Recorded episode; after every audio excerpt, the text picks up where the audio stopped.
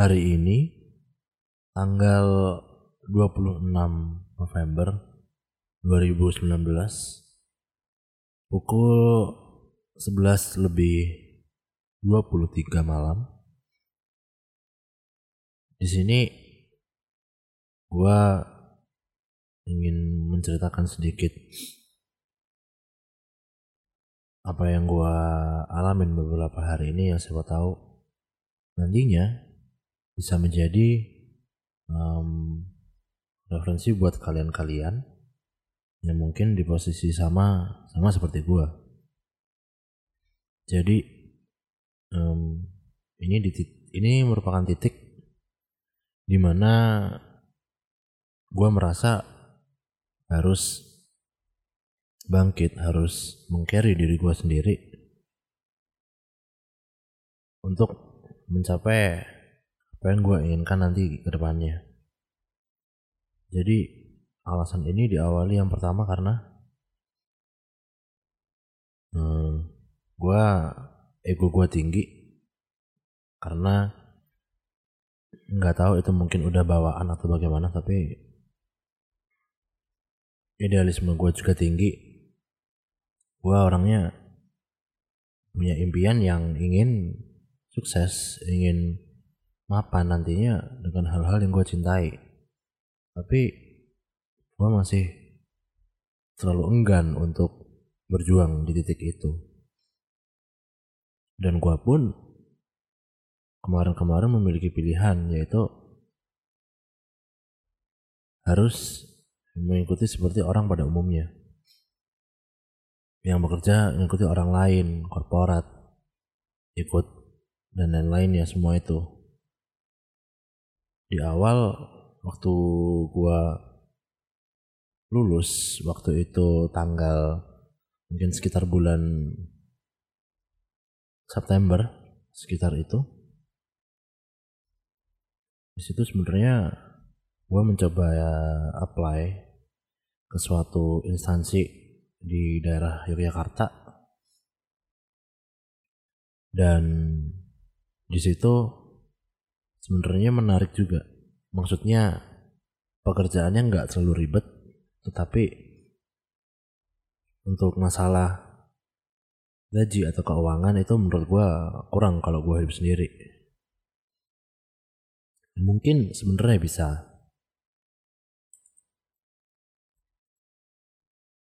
Mungkin menurut gue bisa, tetapi hmm, dikarenakan emang kehidupan gue yang terbiasa dengan hidup-hidup serba ada. Itu membuat gue keberatan. Dan emang cukup cukup apa ya menurut gue cukup minim lah untuk itu. Dan akhirnya gue pun um, menolak tawaran mereka yang jadi gue intinya tuh gue melamar lalu interview. Itu mereka melakukan offering menawarkan kepada gue gue tolak karena nggak apa ya, berat lah buat gue untuk hidup dengan gaji segitu. Tapi emang mungkin beberapa orang mengatakan itu udah cukup. Tapi nggak tahu kenapa gue dan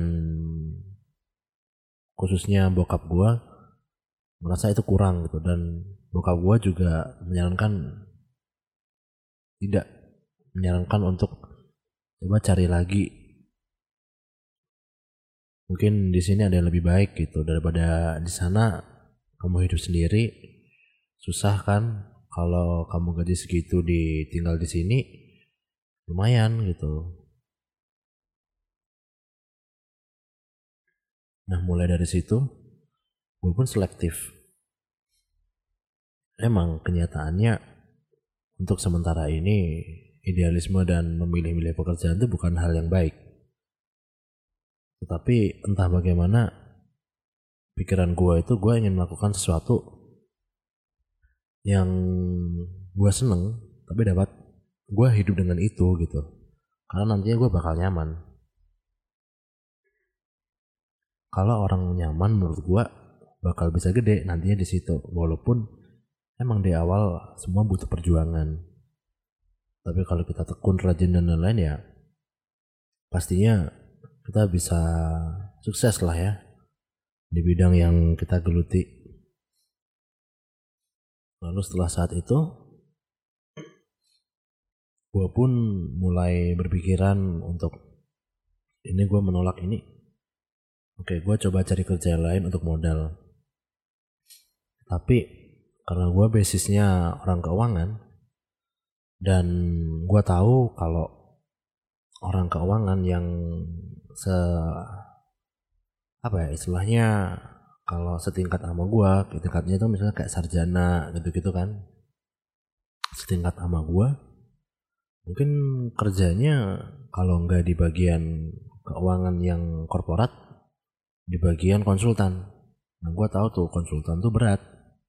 Lu harus bisa ini itu lu harus bisa-bisa lu nggak balik tiga hari di kantor bisa-bisa lu tiba-tiba dinas luar kota kayak gitu. Nah gua nggak mau. Karena apa ya gue sangat ingin mencapai keinginan gue yang tadi gue sebutin gitu. Dan setelah hari-hari gue kemarin-kemarin itu berlanjut hingga sekarang akhirnya gue mencapai satu titik di mana gue sangat jenuh. Sangat jenuh itu berarti gimana ya hmm, kayak di hari ini di hari kemarin itu apa ya kayak cobaan-cobaan itu datang secara barengan kayak rame-rame keroyokan gitu lah istilahnya. Jadi di situ kemarin um, alhamdulillah gue ada modal untuk um, mengupgrade komputer gue yang mau gue buat untuk recording dan lain-lainnya itu kemudian gue udah beli yang alatnya lalu gue coba pasang ternyata komputer gue ada kendala di situ gue berpikiran bahwa apakah ini cobaan apakah ini satu tantangan di mana gue nantinya kalau apabila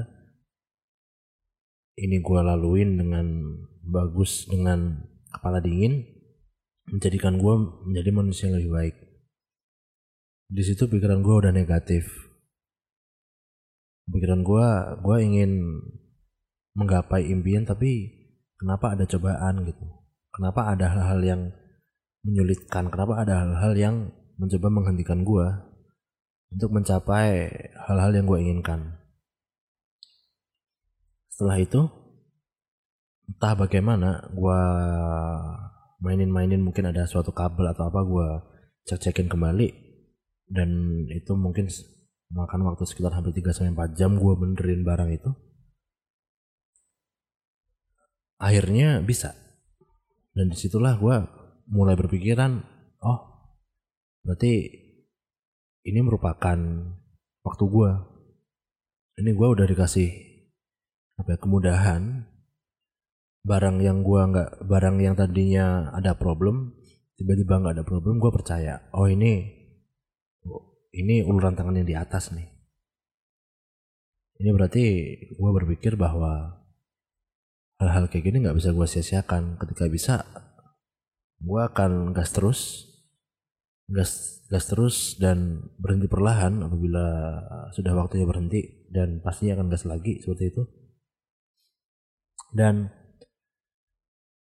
akhirnya gue memutuskan untuk membeli alat lagi yaitu sebuah mikrofon untuk keperluan gua recording podcast ini ataupun konten gua di YouTube. Gua ada lagi konten di YouTube tentang games di situ. Juga termasuk kebutuhan gua ini mikrofon. Kemudian ada kendala lagi.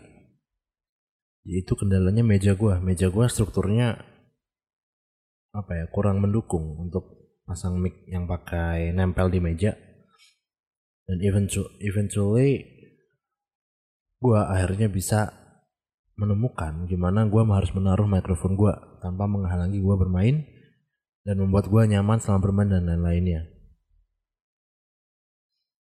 Di situlah gue berpikir lagi di awal. Seperti awal tadi, kenapa hal ini terjadi? Kenapa setiap gue membeli barang ataupun apa pun yang istilahnya mensupport kegiatan gue ini rutinitas gue keinginan gue ini itu di awalnya selalu ada hambatan. Dan hari ini saat ini pukul 11 lebih hmm, tiga berapa ini? 33 sekitar 33 akhirnya gue menemukan um, cara gue harus bagaimana ke depannya nanti oh ya sebelum itu sebenarnya um, hari-hari buruk gue ditambah lagi um, gue nggak masuk kriteria di pekerjaan yang gue apply. Padahal gue di situ percaya diri bahwa di di bidang yang gue apply ini yang barusan banget ini gue apply itu itu gue banget. Maksudnya dulu pun gue sehari-hari bukan sehari-hari maksudnya dalam waktu satu tahun dua tahun ini kerjaan gue ya begitu begitu gitu berkecimpung di dunia yang seperti itu yang di bidang yang gue apply kemarin itu. Tetapi mungkin punya penilaian lain yang di mana gue nggak masuk kriteria itu. Tapi di sana di saat itu juga gue kayak gimana ya kayak ternyata gue masih nggak ada apa-apanya cuy. Ternyata pengalaman dua tahun gue itu masih nothing di mata mereka gitu. Karena memang menurut gue beda banget sih. Jadi yang gue apply ini kayak suatu company. Itu company yang berkecimpung di dunia mengorganisir sesuatu ya kan? Organisasi organizer acara event organizer gitu. Nah itu kan dulu gue waktu kuliah juga makanan gue sehari-hari makanan gue juga rapat dan lain-lain brainstorming brainstorming semuanya. Terus pemecahan masalah di situ handle klien dan lain-lain itu gue gue menghadapi itu. Cuman mungkin gue nggak sesuai kualifikasi mereka dan gue cukup kecewa di situ. Itulah yang menambah hari-hari kemarin gue merupakan bad day ever. Di situ akhirnya saat ini gue mulai bangkit lagi mulai lurus lagi pandangan gue karena kalau gue pikir-pikir ketika kesempatan nggak ada buat lo, ya kita yang bikin kesempatan itu sendiri. Itulah yang tiba-tiba terlintas di kepala gue dan itu yang membuat gue bangkit lagi. Gitu dan karena emang terkadang hal-hal seperti itu itu memang benar adanya gitu loh. Maksudnya hal-hal seperti itu tuh udah dibuat untuk kita jadi misalnya kita mencoba sesuatu tapi gagal itu it's not apa ya nggak untuk kita gitu loh. Emang itu bukan jalan kita gitu. Dan gue pun masih percaya seperti itu dan apabila gue nggak mendapat gangguan untuk melaksanakan kegiatan gue yang sekarang ini rutinitas gue itu merupakan tanda bahwa ini jalan gue ini yang harus gue tempuh ini yang harus gue lalui semuanya entah apa pun itu. Dan gue percaya ke depannya nanti gue bakal bisa.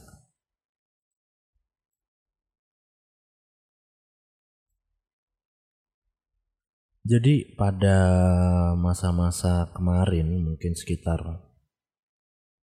bulan tahun ini sih mungkin dari April sampai sekitar nggak sampai nggak April sih mungkin lebih ke belakang lagi. Mungkin sekitar Januari lebih tepat Januari sampai dengan um, gua wisuda yaitu sekitar September September ini. Itu adalah masa-masa gua mengalami mayatnya jatuh bangun. Waktu itu mungkin sekitar Januari sampai sampai dengan mungkin April atau Mei ya itu gue masih kuliah dan gue masih menyelesaikan tugas akhir gue di situ. Dan um, gue emang orangnya nggak nggak terlalu apa ya nggak terlalu bergantung sama orang tetapi gue tipe-tipe orang yang suka bergaul dengan cewek. Uh, beda deh maksudnya gue bukan gue gue nggak suka main main perempuan tapi gue kalau ngobrol sama mereka lebih asik aja bukan lebih asik maksudnya kalau orangnya asik ya asik gitu dan gue lebih confident aja. Di situlah gue awal-awal jadi seperti yang gue jelaskan kemarin di podcast podcast kemarin itu bahwa uh, eh, gue putus dan gue pastinya cari orang lain. Nah pada masa-masa sekitar Januari hingga Mei itu gue mengalami banyak banget jatuh bangun jatuh lagi. Bangun lagi banyak sekali di situ. Dan situ gue udah mengalami yang namanya gue dimanfaatin orang gue mengalami um, gue hanya sebagai tempat curhat. Gue mengalami apa ya kayak ternyata hal sesim hal yang menurut gue simple ternyata nggak sesimpel yang gue pikirin dan gue juga mengalami busuknya orang-orang. Manusia tuh bisa busuk sama apa ya kayak ketika mereka terinfluence atau terpengaruh oleh lingkungan mereka mereka bisa sama kerennya dengan lingkungan mereka dan mereka bisa sama busuknya dengan sama dengan lingkungan mereka. Itu yang pernah gue alami. Jadi yang pertama gue pernah jatuh bangun dimanfaatin orang. Itu gue bodohnya gue gue terma apa ya hampir masuk lubang dua kali. Jadi um, gue tahu nih si Ani orangnya kayak gini tapi gue masih demen aja. Nah di saat itulah gue merasa bahwa nggak oke okay, nggak deh ternyata orang ini cuma begini doang gitu. Jadi gue nggak akhirnya waktu yang kedua tuh gue nggak nggak berusaha dengan keras jadi gue biasa aja. Dan pada masa-masa itu akhirnya pada akhir-akhir ini yang sekitar mungkin September mau lari November akhir ini gue pun mengalami yaitu um, banyak banget dari mulai emosi gue nggak stabil di mana gue selalu diem. Tapi kalau gue lagi main game online gue bisa seneng terus tiba-tiba gue um, merenung tanpa alasan tiba-tiba pengen diem tiba-tiba menonton yang sedih-sedih itu terus dia terus gue um, apa ya merasa kecewa tapi gue fake. Merasa kecewa mungkin dengan orang dengan apa pun tapi gue tetap tersenyum gitu loh. Maksudnya gue udah kayak kebiasaan gitu menerima hal seperti ini. Terus banyak lah pikiran-pikiran negatif. Kayak udah pengen nggak mau ngapa-ngapain udah pengen gue ini siapa gitu. Gue ini nggak ada guna. Banyak lah kayak gitu gitu dan di situ gue juga ngerasa orang-orang terdekat gue nggak bisa merasakan itu gitu. Dan gue pun apa ya betul-betul mengalami itu secara sendiri gitu loh teman-teman yang biasanya hangout sama gue itu juga nggak menyadari gitu. Teman-teman yang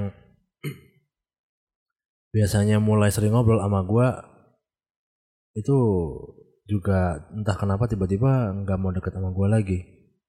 Entah karena apa gue nggak tahu dan gue nggak peduli gitu. Dan kalau misalnya gue ada gue ada suatu masalah gue selalu diam sekarang. Gue jarang banget untuk hmm, membagikan ke orang lain. Karena menurut gue yang di deket-deket gue hanya hanya bisa bilang sabar nggak apa-apa itu emang ujian gitu. Dan menurut gue itu ya gue tahu gitu loh. Dengan lu ngomong seperti itu nggak nggak merubah kenyataan. Dan menurut gue itu gue merasa menghabis-habiskan waktu gue untuk cerita ke dia karena bakal karena tahu dia jawabannya seperti itu gitu. Dan nggak sedikit juga teman-teman gue yang ngerti sama gue dan mencoba menolong gue akhir-akhir ini dan menurut gue hasilnya berhasil. Jadi mereka memberi suatu pandangan yang gimana lu harus bangkit cuy. Yang bisa carry diri lo sendiri hanya kita hanya lo gitu dan mereka pun juga berbagi cerita akhirnya. Mereka pernah seperti ini mereka pernah seperti itu. Dan mereka memutuskan untuk apa ya sabar. Mereka memutuskan untuk berbuat sesuatu dan itu menghasilkan. Maksudnya itu ada hasilnya. Dan sekali lagi um, emang lebih gampang kayak ya apa ya um, memberi nasihat kepada orang tetapi nasihat ke diri lu sendiri itu susah. Itu gua gua paham banget sih. Jadi gua sering emang begitu teman-teman gua yang lagi kosong pikirannya yang lagi entah mau ngapain gua kasih tuh lu harus gini main lu harus gini bro gitu. Lu harus gini cuy gitu. Lu harus ABC lu gini aja. Udah lu gak usah anggap dia lah atau apa tuh gue sering. Tapi hal-hal itu susah banget gue terapin di pikiran gue dan itulah kenapa menurut gue manusia adalah makhluk sosial yang membutuhkan orang lain dan di situ um,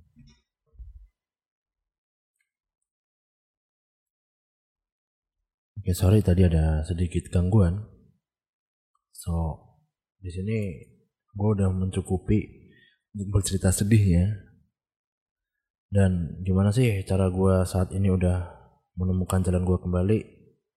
Nah yang pertama itu um, perlu gue tekanin di sini yang bisa menyembuhkan kita dari depresi atau mungkin pikiran-pikiran yang negatif itu hanya kita sendiri dan teman atau tenaga ahli atau mungkin orang-orang yang expert di dunia psychological gitu itu hanya bisa ngasih saran dan dukungan gitu dan itulah hal-hal yang bisa bantuin kita untuk meluruskan pikiran, merubah pola pikir.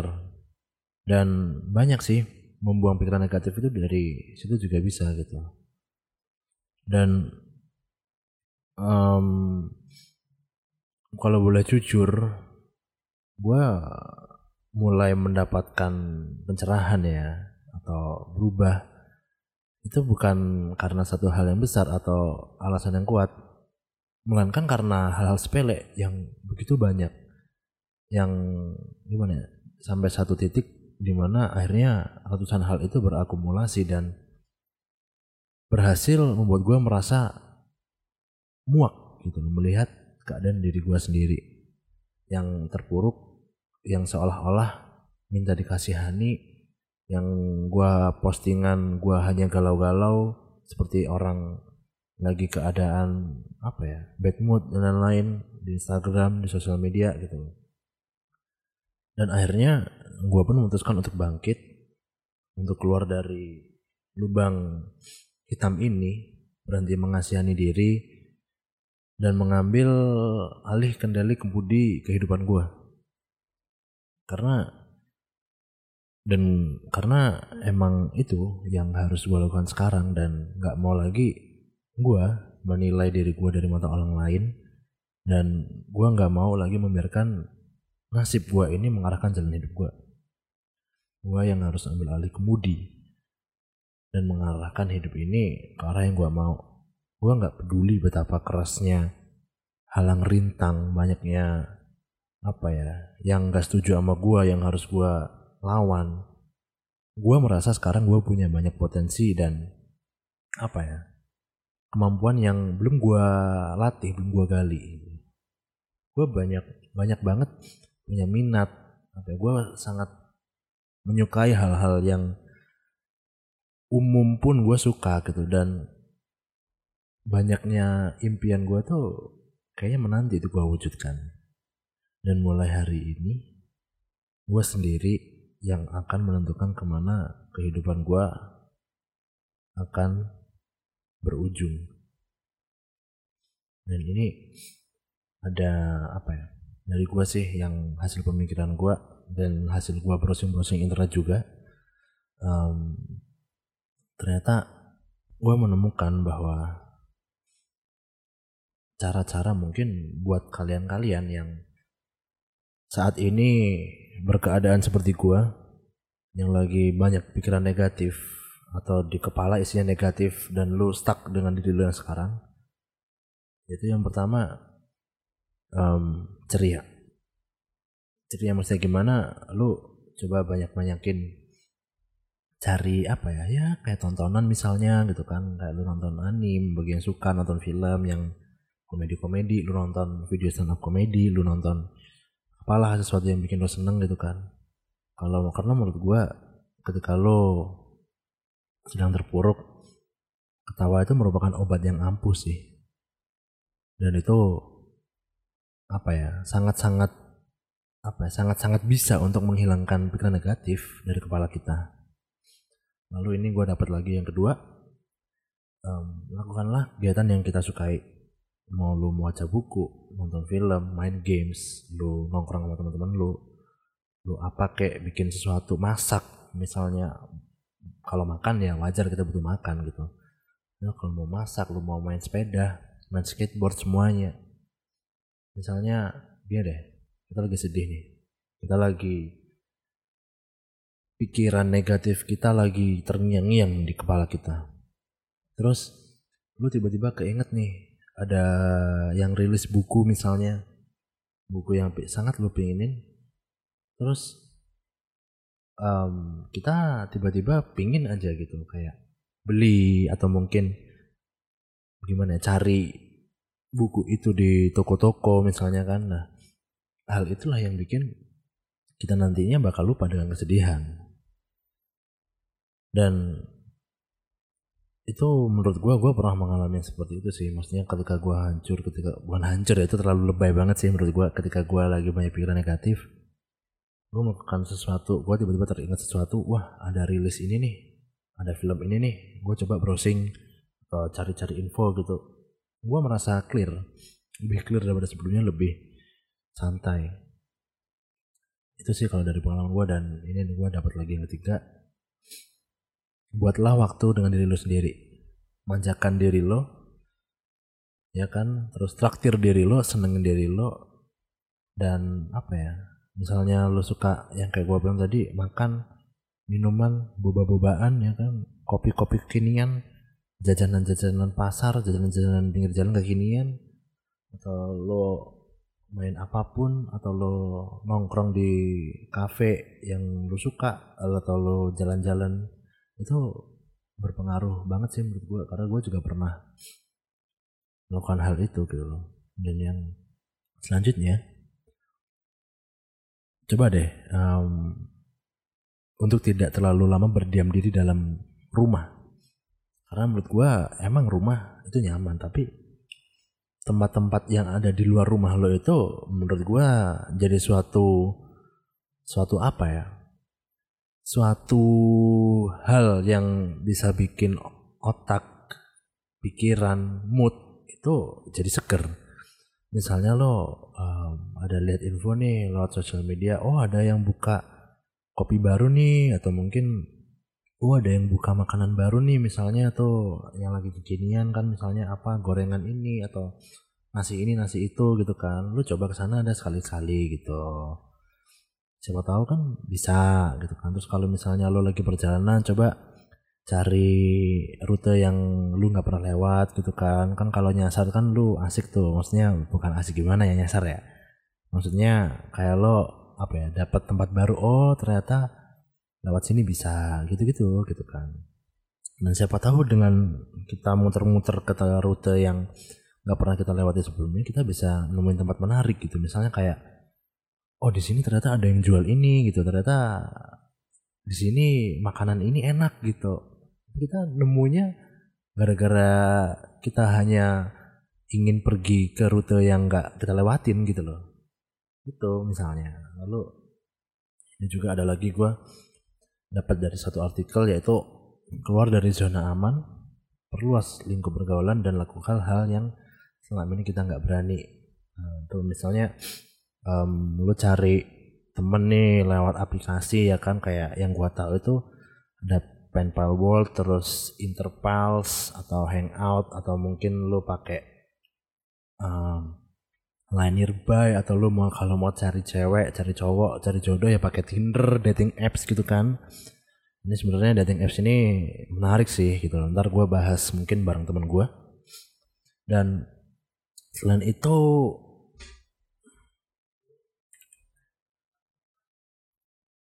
sorry tadi ada gangguan lagi.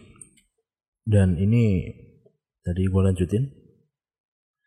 Jadi gue pernah itu sih pakai um, aplikasi yang kayak gitu-gitu Tinder dan lain-lain dan ada hasilnya cuy gitu loh. Itu enggak tapi yang nggak tahu ya ntar bakal gue bahas lagi gitu. Terus um, ini gue dapat lagi di satu artikel juga sama. Punya lingkungan pertemanan yang baik dan suportif itu adalah salah satu hal yang paling penting. Nah menurut gue ini bener banget sih karena orang-orang yang kita butuhin itu bukan mereka-mereka yang siap mendengarkan curhat keluh kesah dalam 24 jam itu enggak.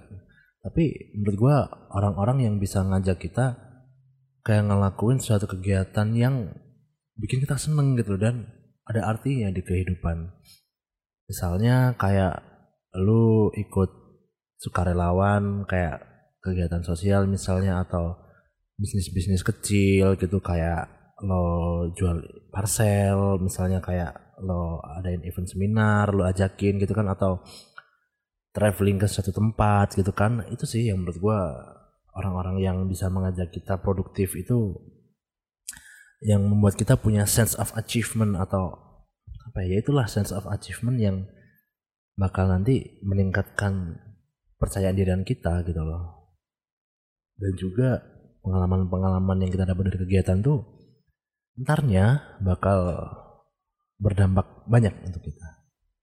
Lalu ini gue juga dapat lagi yaitu belajar memilah-milah pikiran. Nah di sini apa ya kayak jangan biarin hal-hal negatif itu apa ya menyampur dengan kegiatan yang kita lakuin tuh. Misalnya kayak kita lagi di kampus ya kan. Lu fokus aja udah sama materi yang dia yang dikasih sama dosen lu atau apa pun itu. Dan usahain lu jangan bikin hal-hal aneh hal-hal lain ya. Nah itu menurut gue bakal menghambat produktivitas lo dan apa ya kayak membuat lo jadi nggak fokus gitu loh. Dan juga misalnya lo hangout sama anak-anak teman-teman lo itu coba aja lo nikmatin apa ya kayak kebersamaan lah ya gitu. Saat itu gitu. Nggak usah bikin hal-hal yang lain gitu loh. Karena bayangin aja di otak kita nih itu kan kayak sebuah tempat besar tuh ruangan besar yang ada banyak tempat penyimpanan lagi. Di situ misalnya ada, ada ruangan lu punya ruangan. Di situ ada lemari-lemari kecil.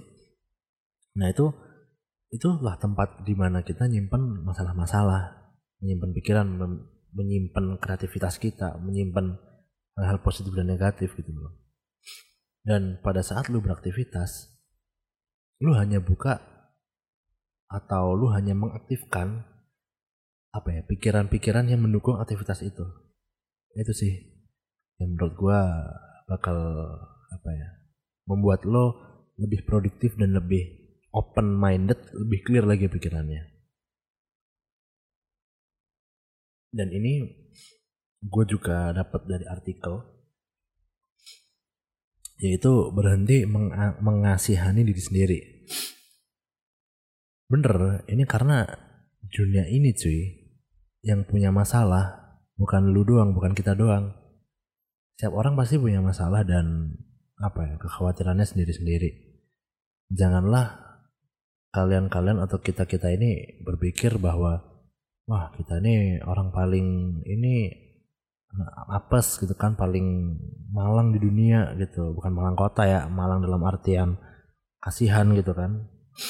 Percaya deh sama gue kalau di luar sana itu masih banyak orang yang nasibnya jauh lebih apa ya kurang beruntung daripada kita. Tetapi mereka masih terus fighting mereka pasti terus berpikir keras untuk apa ya keluar dari zona tidak beruntung itu gitu loh. Kalau kita nggak mau terus-terusan terpuruk ya kita sendiri yang harus berubah gitu loh. Dan itu sih yang gue rasain sekarang karena gue sempat juga menjadi orang yang berpikir gue ini orang paling apes gue nih orang paling gak guna gue nih orang paling buruk di dunia ini. Dan ada satu teman gue yang mengatakan bahwa cuy lu kalau mikir gitu lu buang-buang waktu gitu. Karena yang punya masalah nggak lu doang cuy gitu loh. Dan kalau lu apa ya kayak menyebar luaskan keadaan terpuruk lo di sosial media orang nggak akan peduli cuy. Karena sekarang sosial media tuh untuk orang-orang yang sukses gitu mereka lebih seneng kayak gitu. Di situlah gue mulai berpikir bahwa gue akan stop melakukan hal-hal itu.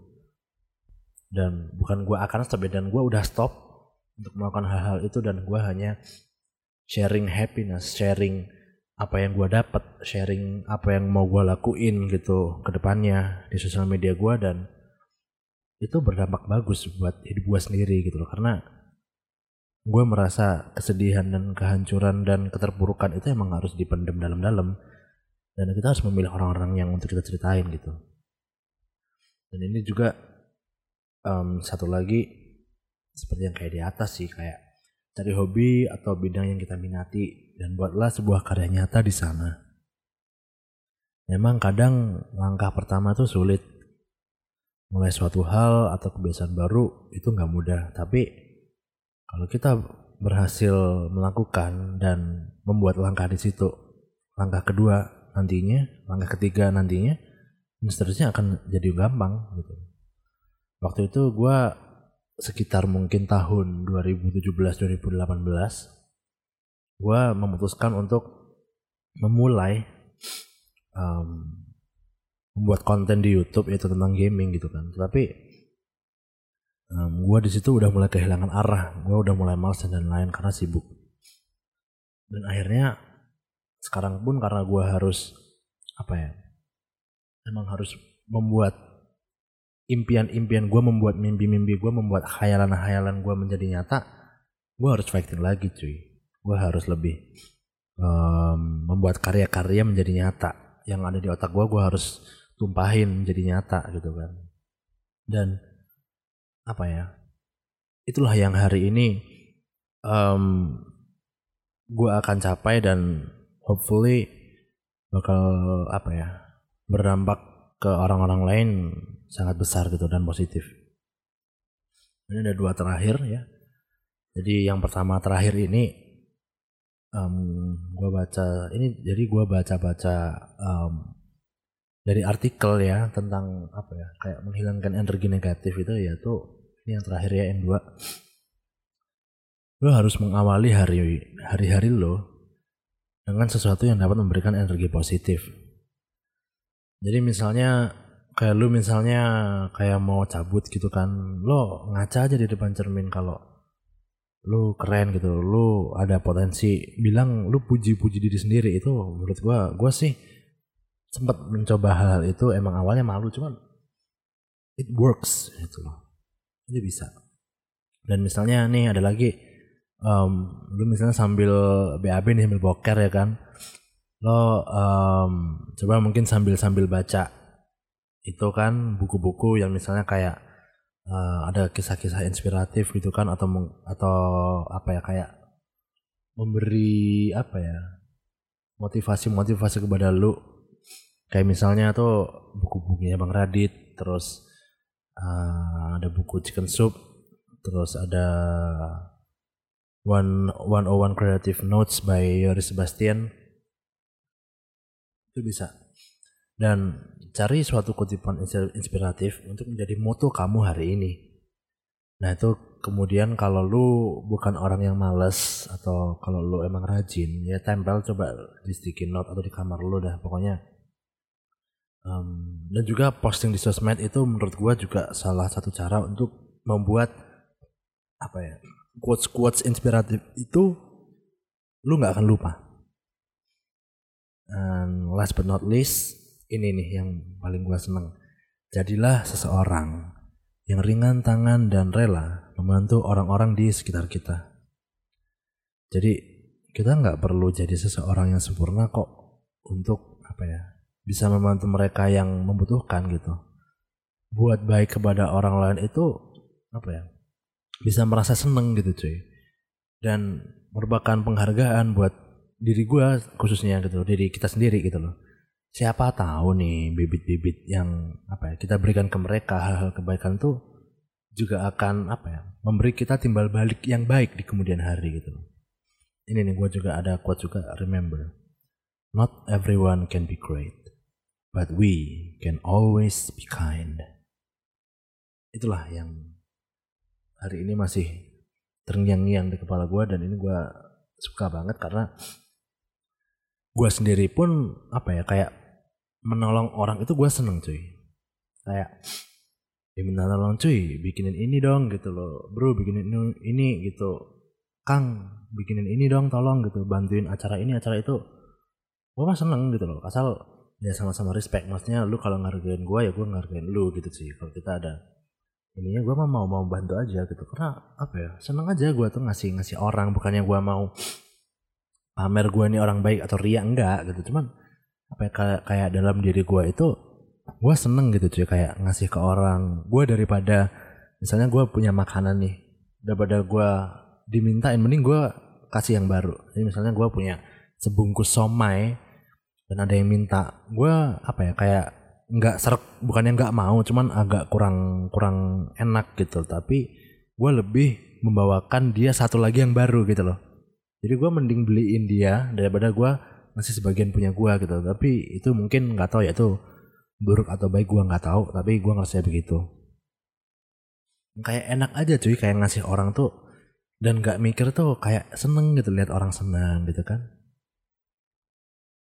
Dan mungkin itu aja yang hal-hal dari gua yang apa ya membuat gua berhasil kembali lurus gitu loh. Gua nggak bermaksud untuk menggurui kalian-kalian, cuman ingin sharing pengalaman aja.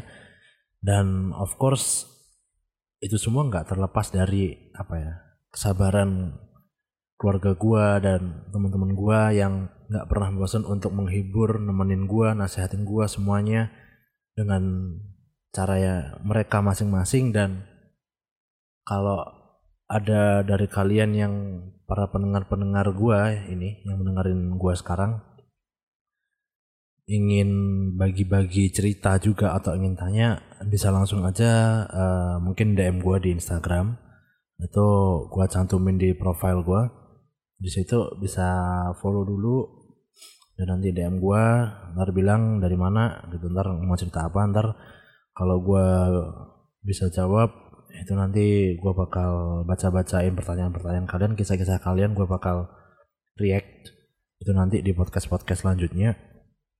Dan semoga ini bisa bermanfaat buat kalian dan terima kasih yang udah mau dengerin cocotan gue curhatan-curhatan colongan gue hari ini kali ini gitu dan gak bosen ya semoga menarik.